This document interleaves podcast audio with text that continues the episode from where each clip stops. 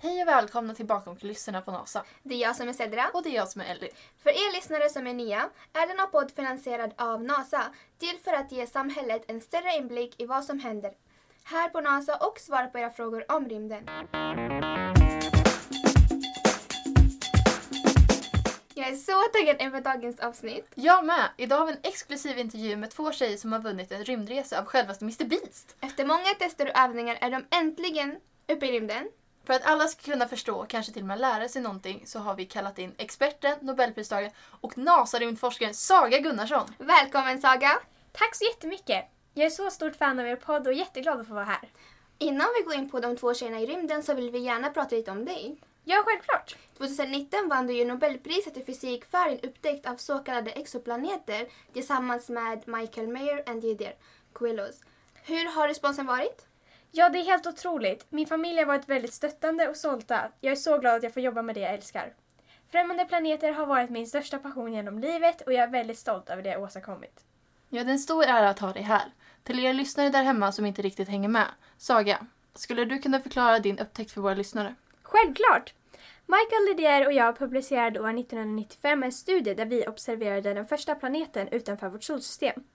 Detta gjorde vi genom att utveckla ett känsligt instrument som monterades på ett teleskop i Frankrike. Det kunde uppfatta små rörelser hos en stjärna som hade en exoplanet av Jupiters storlek i sin omloppsbana. Vår upptäckt var ett startskott för forskare världen över och har gjort att människan hittills observerat över 4000 planeter som kretsar i omloppsbanor runt andra stjärnor än solen, så kallade exoplaneter. Mark Pierce, professor på KTH, menar att det är osannolikt att vi är helt ensamma i universum med tanke på dess storlek. Upptäckten av exoplaneter kanske är vad som krävs för att finna svaret på den eviga frågan. Finns det liv där ute? Jaha, vad spännande! Tack så mycket Saga och ni s- lyssnare som är extra intresserade av exoplaneter kan läsa mer om det på rymdstyrelsen.se. Dagens avsnitt handlar ju om två tjejer som har vunnit en rymdresa. De har under de två senaste veckorna gått igenom tester och tränat intensivt för denna rymdfärd. Saga, du har ju varit i rymden några gånger.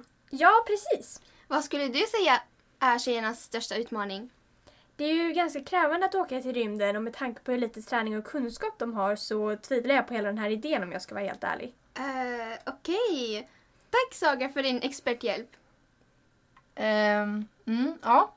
Eh, om vi ska gå vidare. Vinnaren av Mr Beast tävling, Molly och Lydia, är just nu uppe i rymden.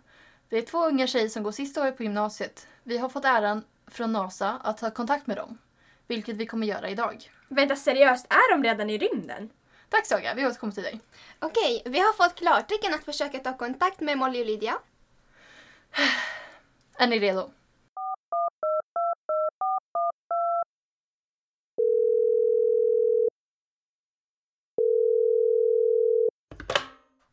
Hallå?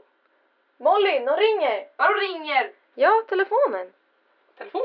Har jag telefon? Ja, och jag tror att någon ringer. Sätt på högtalare. Okej. Hallå? Hej, kan ni höra oss? Ja, hör ni oss? Klart och tydligt. Välkomna till podden Bakom kulisserna på NASA. Podd? Ska vi göra en podd? Ja, har inte de sagt det? Eh, nej, tror de glömde nämna det. Okej, sorry för misskommunikation, men hur har det varit på resan hittills? Ja, det är bra. Det är helt sjukt. Det var lite skakigt när vi lämnade atmosfären, men annars har det gått bra. Ja, vilken tur att det har gått bra. Vi har fått lite frågor från våra lyssnare. Har ni lust att svara på några av dem? Ja, det kan vi väl. Marie Johansson har frågat. Hur är maten? Pissäcklig. Molly överdriver som vanligt. Vi äter antingen frystorkad mat eller konserverat. Vid vår första måltid var vi inte så uppmärksamma över hur vi skulle äta, så min soppa rymde. Alltså jag tror att det fortfarande är flytrundssoppa. Ja, jag- alltså jag vet inte hur vi ska få upp det. Oj, haha. Karin Roos undrar om ni sover fastspända som hon läst på E ESA. Ja, det stämmer. Det är extremt obekvämt. Jag sover knappt någonting. Åh, vad jobbigt. Bertil Karlsson undrar hur ni går på toa i rymden. Det är en ganska konstig upplevelse faktiskt. Man spänner sig fast på toan så att man inte svävar iväg.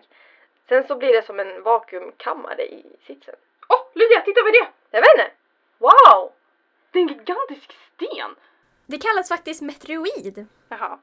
Den är täckt av massa fläckar. Den var ganska fin faktiskt. Ja. Oj, eh, hmm. Det börjar bli lite konstigt här. Saker flyger inte lika lätt längre. Ja, det känns lite skumt. Vad är det som händer? Det skulle kunna bero på en förändring av gravitationen. Ah, okej. Det är kanske en dum fråga, men vad är gravitation? Gravitation är en attraherande kraft som verkar mellan alla materiella kroppar. Med lite enklare ord så är det en dragningskraft som drar ihop materia.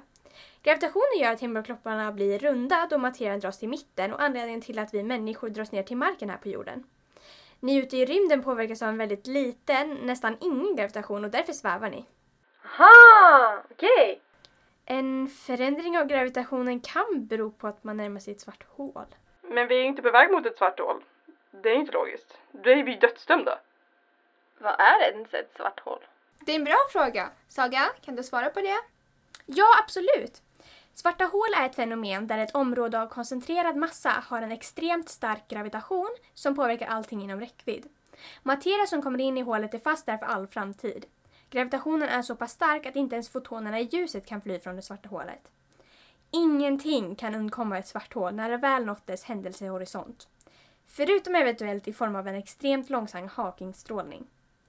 När materia är på väg mot ett svart hål verkar det svarta hålets enorma gravitationskraft på materien med en kraft som drar isär den.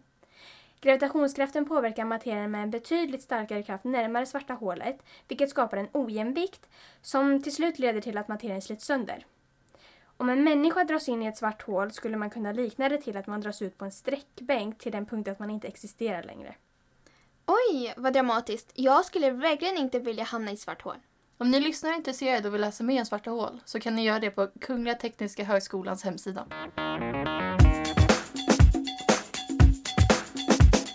Vad är det där Lia? Jag ser någonting konstigt. Vadå, vart? Det där, där borta.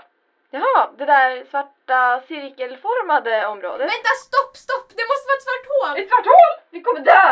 Jag ser nu att våran rutt har ändrats. Det har blivit något fel i systemet. Va? Hur kan det bli så här? Ingen aning! Oh my god, det är soppan! Den har kommit i kontakt med skeppets elektriska system och ändrat vår rutt. Ah shit! Vad ska vi göra nu? Dö! Jag vill inte vinna längre! Det här är inget roligt pris. Jag hatar Mr Beast.